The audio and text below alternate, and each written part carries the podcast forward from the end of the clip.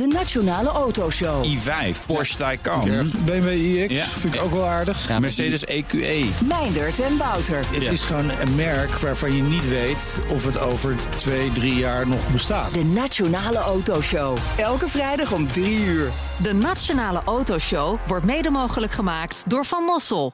Van Mossel, voor mobiliteit voor iedereen. Een goedemorgen van het FD. Ik ben Roger Cohen en het is woensdag 15 februari.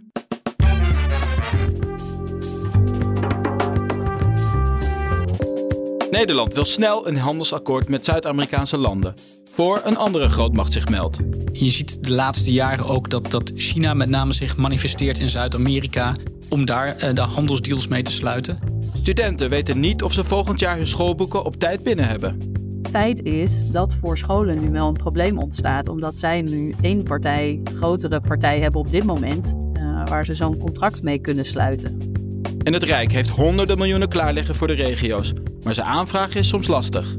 En die regio's die maken nog wel minder kans om eh, geld te krijgen uit deze eh, ruif die Den Haag ze aanbiedt. Dit is de dagkoers van het FD. Minister voor Buitenlandse Handel Liesje Schrijnemacher wil vaart zetten met een handelsakkoord tussen de EU en de Zuid-Amerikaanse Mercosur-landen. Politiek verslaggever Bas Knoop sprak met de minister die op dit moment in Brazilië is. Zij is op Brazilië om eigenlijk een soort kennismakingsbezoek met haar, eh, met haar nieuwe collega van handel in Brazilië. Eh, een paar maanden geleden natuurlijk een nieuwe regering daar aangetreden. De regering van eh, de linkse president Lula. En ehm, zij is daar om, om eh, net als veel andere Europese ministers en regeringsleiders, om kennis te maken met eh, de nieuwe de machthebbers daar in Brazilië. Ja, een nieuwe regering, ook een nieuwe lijn. En dus ook voor Schrijnemacher eh aanleiding om te zeggen... we moeten opnieuw kijken naar dat verdrag dat we hebben hè, met dat eh, handelsblok. Het verdrag met de Mercosur-landen, dus niet alleen met Brazilië, maar dat is ook met, met Argentinië, Paraguay en Uruguay. Daar is eh, in juni 2019, na 20 jaar onderhandelen, een eh, principeakkoord over bereikt tussen de EU en de, die vier Zuid-Amerikaanse landen. Ehm, en eh, als dan zo'n akkoord wordt bereikt, is de volgende stap dat het ook geratificeerd wordt door de 27 lidstaten, de parlementen daarvan. Ehm, alleen dat proces is eh, stil komen te liggen, ehm, omdat in de jaren daarna de, de rechtse regering van Bolsonaro aantrad. En ehm, ja, die schond de, de gemaakte klimaatafspraken van het akkoord in Parijs. En ehm, deed ook niks tegen de, tegen de ontbossing. Sterker nog, die ontbossing ging in een hoger tempo door. Dus vandaar dat de EU toen gezegd heeft: op, op deze manier kunnen wij een handelsverdrag met, eh, met Brazilië en, en die andere drie landen niet tekenen. Lula is nu eh, aan de macht en hij heeft eh, als een van zijn speerpunten is om die ontbossing tegen te gaan. Hij heeft ook gezegd in 2030 wil ik nul ontbossing meer hebben. Dus je ziet nu dat ehm, dit in de EU wordt gevoeld als, eh, als zijnde dat er nieuwe kansen zijn. Is dat Eh, de Brazilië omdat- aan de lijn? Nee, dit is de, de bel in de Tweede Kamer. Oké, ja, vertel verder. Dat, ehm, dat er dus nieuwe kansen zijn om dat verdrag alsnog eh, te gaan ratificeren. Ehm dus een nieuw momentum is er gecreëerd. Ja, en ehm, even terug naar dat handelsverdrag. Wat wordt daar Mhm. eigenlijk in afgesproken? Ja, met, zoals met, met andere handelsverdragen, er komt eigenlijk een vrijhandelszone tussen de EU en die vier Zuid-Amerikaanse landen. Wat, wat een markt is van eh 800 miljoen consumenten bijna. En wat in dat verdrag is afgesproken, is dat, er, dat Europese bedrijven bijvoorbeeld eh, makkelijker toegang krijgen tot publieke aanbestedingen in, eh, in die landen. Dat, er, eh, dat het dienstenverkeer wordt geliberaliseerd. Maar dat er ook, zoals in veel andere handelsverdragen ook gebeurt, veel importtarieven worden geschrapt. Het gaat om, om opgeteld meer dan 90% van de, van de wederzijdse importtarieven komen te vervallen. Er zijn natuurlijk een paar uitzonderingen. Bijvoorbeeld als het gaat om de landbouwsector. Daar wordt, als het gaat om rundvlees, maar suiker, Daar gaan eh, maar voor een beperkte hoeveelheid producten gaan daar de tarieven vervallen. Oké, maar een grote markt, eh, veel kansen voor handel. Is Ja. dat dan ook de reden dat Nederland nu vaart wil maken? Ja, dat is een van de redenen. Eh, maar misschien ook wel een andere belangrijke reden is dat ehm, eh, het heeft met, met, met, met geopolitieke krachten veel te maken. Dat zei de minister ook in het interview heel duidelijk. Je ziet de laatste jaren ook dat, dat China met name zich manifesteert in Zuid-Amerika, in Afrika, om daar eh, de handelsdeals mee te sluiten. En we hebben eh, in de coronapandemie en natuurlijk ook met, met de Russische invasie in Oekraïne gezien eh, hoe afhankelijk Europa is als het bijvoorbeeld gaat om mondkapjes, medicijnen. als het gaat om China en van het Russische gas. De, de, EU kiest nu ook nadrukkelijk voor een strategie van diversificeren. Dus met meerdere landen handelsovereenkomsten sluiten. Om zo, uh, ja, mocht er een conflict uitbreken, dat je niet meteen dat die hele toeleveringsketens verstoord raken. En in Zuid-Amerika zijn ook veel uh, kritieke grondstoffen te vinden die wij nodig hebben in Europa voor de energietransitie. Bijvoorbeeld voor windturbines en voor het maken van batterijen voor de elektrische auto's. Oké. Okay. Schrijnemacher moet nog wel even haar eigen coalitiegenoot uh, van de ChristenUnie overtuigen, toch? Want die hebben eerder tegengestemd, begrijp ik. Ja, dat heeft een uh, lange aanloopgeschiedenis eigenlijk. Um, in het vorige kabinet Rutte 3 werd er uh, gedebatteerd in de Kamer over het handelsverdrag CETA. Dat is een verdrag tussen de Europese Unie en Canada. En na heel veel mitsen en maren en debat ging de ChristenUnie uiteindelijk toch overstag, stemde in met dat verdrag. Uh, in de Tweede Kamer. En uh, dat was in het voorjaar van 2020. En vlak voor de zomer, juni 2020, toen uh, kwam er een motie van de Partij voor de Dieren in stemming. die opriep tegen het Mercosur-handelsverdrag te stemmen. En daar stemde toen de ChristenUnie mee in. Dus die hebben eigenlijk al bijna drie jaar geleden aangegeven: wij zullen dit verdrag niet gaan steunen. Dus dat, dat is inderdaad, dat erkende Schijnemacher ook, dat is een gevoeligheid. Uh, waarbij ze meteen um, opmerkten dat op dit moment er nog geen verdragstekst ligt die door Nederland geratificeerd moet worden.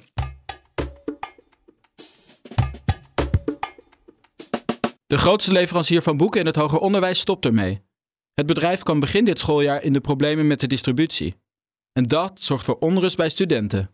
Redacteur Sandra Olstorn vertelt eerst wat het bedrijf precies doet. Het heet de Learning Network, maar de meeste mensen zullen het kennen onder de naam Van Dijk. Uh, onder die naam uh, verzorgen ze de schoolboeken voor het voortgezet onderwijs. En um, op de universiteiten en de hogescholen en MBO doen ze het onder de naam Studiestore en Studers. En ja, wat doen ze? Uh, die voor voortgezet onderwijs bijvoorbeeld, dan hebben ze een groot magazijn vol met boeken. En ieder jaar zorgen ze dat die boeken bij de scholen zijn. Waarom is dat dan zo misgegaan met het het leveren van die boeken. Wat is er uh, verkeerd gegaan? Nou, wat ze zeggen dat er is gebeurd, is ze hebben uh, voor deze markt, want voor het voortgezet onderwijs doen ze het nog steeds vanuit hun eigen uh, warenhuis, zeg maar, in, in kampen. Maar voor de universiteiten en HBO en MBO distribueerden ze de boeken vanuit een magazijn in Emmen. en dat hebben ze anderhalf jaar geleden overgedaan naar het Centraal Boekenhuis. En daar gaat het mis, want ze krijgen de IT-systemen van het Centraal Boekhuis en hun eigen IT-systeem niet goed op elkaar afgesteld. En dat maakte dat aan het begin van dit schooljaar en ook weer aan het begin van het tweede semester, dus aan het begin van dit jaar, uh, het misging. En dat gewoon tienduizenden studenten hun boeken niet op tijd hadden. En nu? Nou ja, nu ontstaat een bijzondere situatie, vooral op de markt van MBO. Ik heb me laten vertellen dat voor HBO en universiteiten het iets minder een probleem is, omdat studenten daar vaak al hun leermiddelen op allerlei plekken inkopen. Dus je, hè, je gaat gewoon naar de boekhandel of bol.com of rechtstreeks bij de, bij de uitgever. Maar vooral op het MBO is het wel normaal dat je de school of de, de instelling, die heeft een contract met of de Learning Network of de concurrent. Daar wordt een, uh, krijgt iedere leerling een, uh, of daar is voor iedere leerling een lijst van spullen die hij nodig heeft voor dat schooljaar. En die kun je dan in één keer bestellen en komt er gewoon één grote doos naar je huis. Ja, en daar valt dus nu een hele belangrijke partij weg. Uh, en lijkt er nu nog maar één grote partij over te zijn.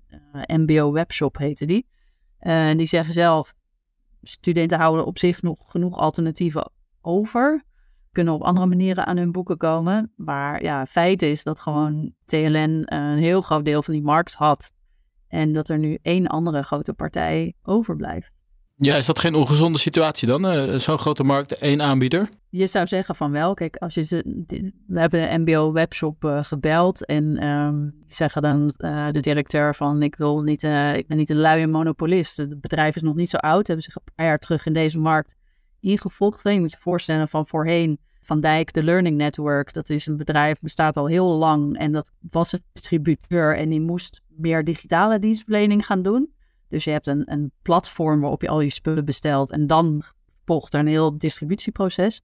En dit bedrijf is begonnen als een platform en heeft vanaf het begin al de distributie uitbesteed. Wat bij TLN dus uiteindelijk zo misgegaan. Nou, in ieder geval, dit bedrijf zegt ja, uh, wij kunnen er ook niet zoveel aan doen dat we nu als enige partij over zijn. Dus Uh, ga me nou alsjeblieft niet neerzetten als een, als een enge monopolist. Maar ja, feit is dat voor scholen nu wel een probleem ontstaat, omdat zij nu één grote, één partij, grotere partij hebben op dit moment, waar ze zo'n contract mee kunnen sluiten. En het is afwachten of zich nog andere partijen op die markt gaan melden. En ze hebben het zeg maar tot september als het nieuwe schooljaar weer begint, neem ik aan.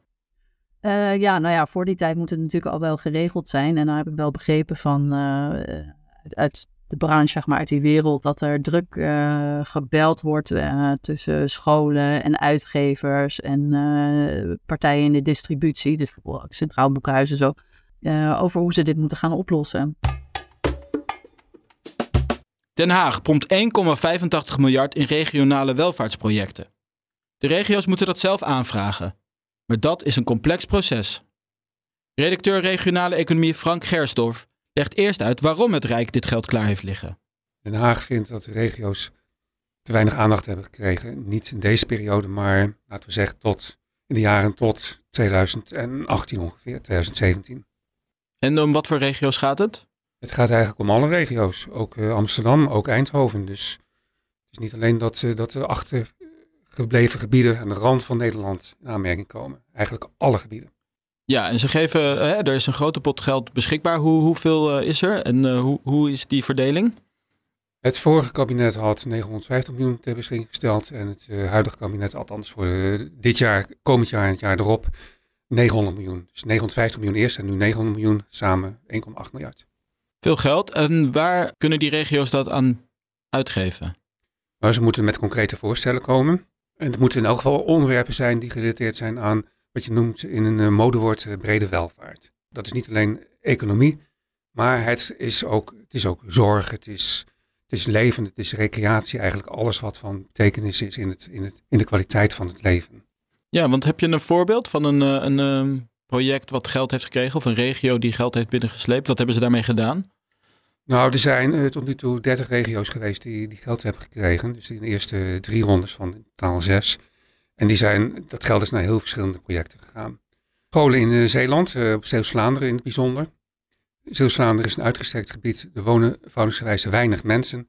En het is moeilijk gebleken om het voortgezet onderwijs daar draaiende te houden. Er waren vier middelbare scholen. En die moesten eigenlijk fuseren tot, tot, tot één. Dat zouden een Terneuzen zijn, maar woon je aan de rand van, van Zeeuws-Vlaanderen, dus Katzand of, of Hulst, dan, dan moet je heel veel kilometers afleggen om naar je middelbare school in Terneuzen te gaan. En met die regiodeal is voorkomen dat die uh, middelbare scholen aan de rand van, van, van, van Zeeuws-Vlaanderen moesten sluiten. En uh, je zou denken, er is veel geld beschikbaar, dus iedereen blij. Maar er is ook wel kritiek, hè? Je hebt met gedeputeerden gesproken, economen. Ja, kijk, het probleem is eigenlijk, je moet als regio uh, zien uit te vinden wat je probleem is. En hoe je dat het beste hoe je daar het beste beleid op kunt ontwikkelen. Dat, dat klinkt misschien vrij eenvoudig, maar in de praktijk kan dat zeker voor bepaalde regio's heel erg moeilijk zijn. Omdat ze de kennis niet hebben? Of? Ze hebben de kennis niet, ze hebben de ervaring niet. Ze, ze kunnen zich soms ook helemaal niet goed organiseren onderling. En die regio's die maken dan gewoon minder kans om eh, geld te krijgen uit deze ruif die Den Haag ze aanbiedt. En wat, hoe kan je dat oplossen? Ik heb een econoom gesproken, Otto Raspe van de Rabobank. Hij suggereert om in Nederland een kennisinfrastructuur op te zetten van ja, wat er in de regio's speelt. Als daar voldoende informatie beschikbaar is waar regio's uit kunnen putten, dat kan de wat zwakkere regio's, laat ik het zo maar noemen, helpen om zelf een voorstel in te dienen en daarmee naar Den Haag te gaan. Ja, en, en ook een gedeputeerde hè, die je sprak, die zei van het worden nu heel, veel verschillende potjes. Ik heb Eddie van Heijm gesproken, gedeputeerde in Overijssel. Hij zegt van ja, we hebben al zoveel potjes uit Den Haag. Eh, op zich vindt hij het idee goed, maar nu weer een geldpotje. Eigenlijk, hij, hij suggereert eigenlijk, doe al die geldpotjes bij elkaar. En ga dan als regio met een plan komen. Een integraal plan waar alles in zit. Dus woningbouw, stikstof, noem maar op, echt alles. En deponeer dat in Den Haag en ga daarover in onderhandeling met Den Haag. Kijk dan hoe je vanuit de regio hulp zou kunnen krijgen uit Den Haag. Het scheelt een hoop administratieve romslomp.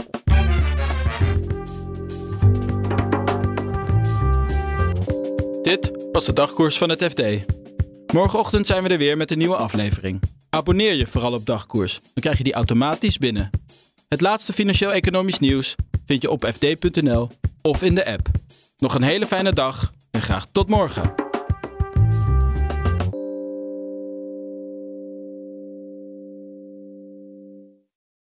BNR Headlines. De hele dag binnen- en buitenlandse politiek. In Nederland hebben we geen munitiefabrieken. De hele dag economie. Vijf dagen in de week bezorgen, dat kan niet uit. De hele dag technologie. Amerikanen weer op de maan. Heb je eigenlijk geen tijd, maar wil je toch op de hoogte blijven? BNR Headlines. Het laatste nieuws, maar dan in het kort. Ga naar je podcast-app en abonneer je op BNR Headlines.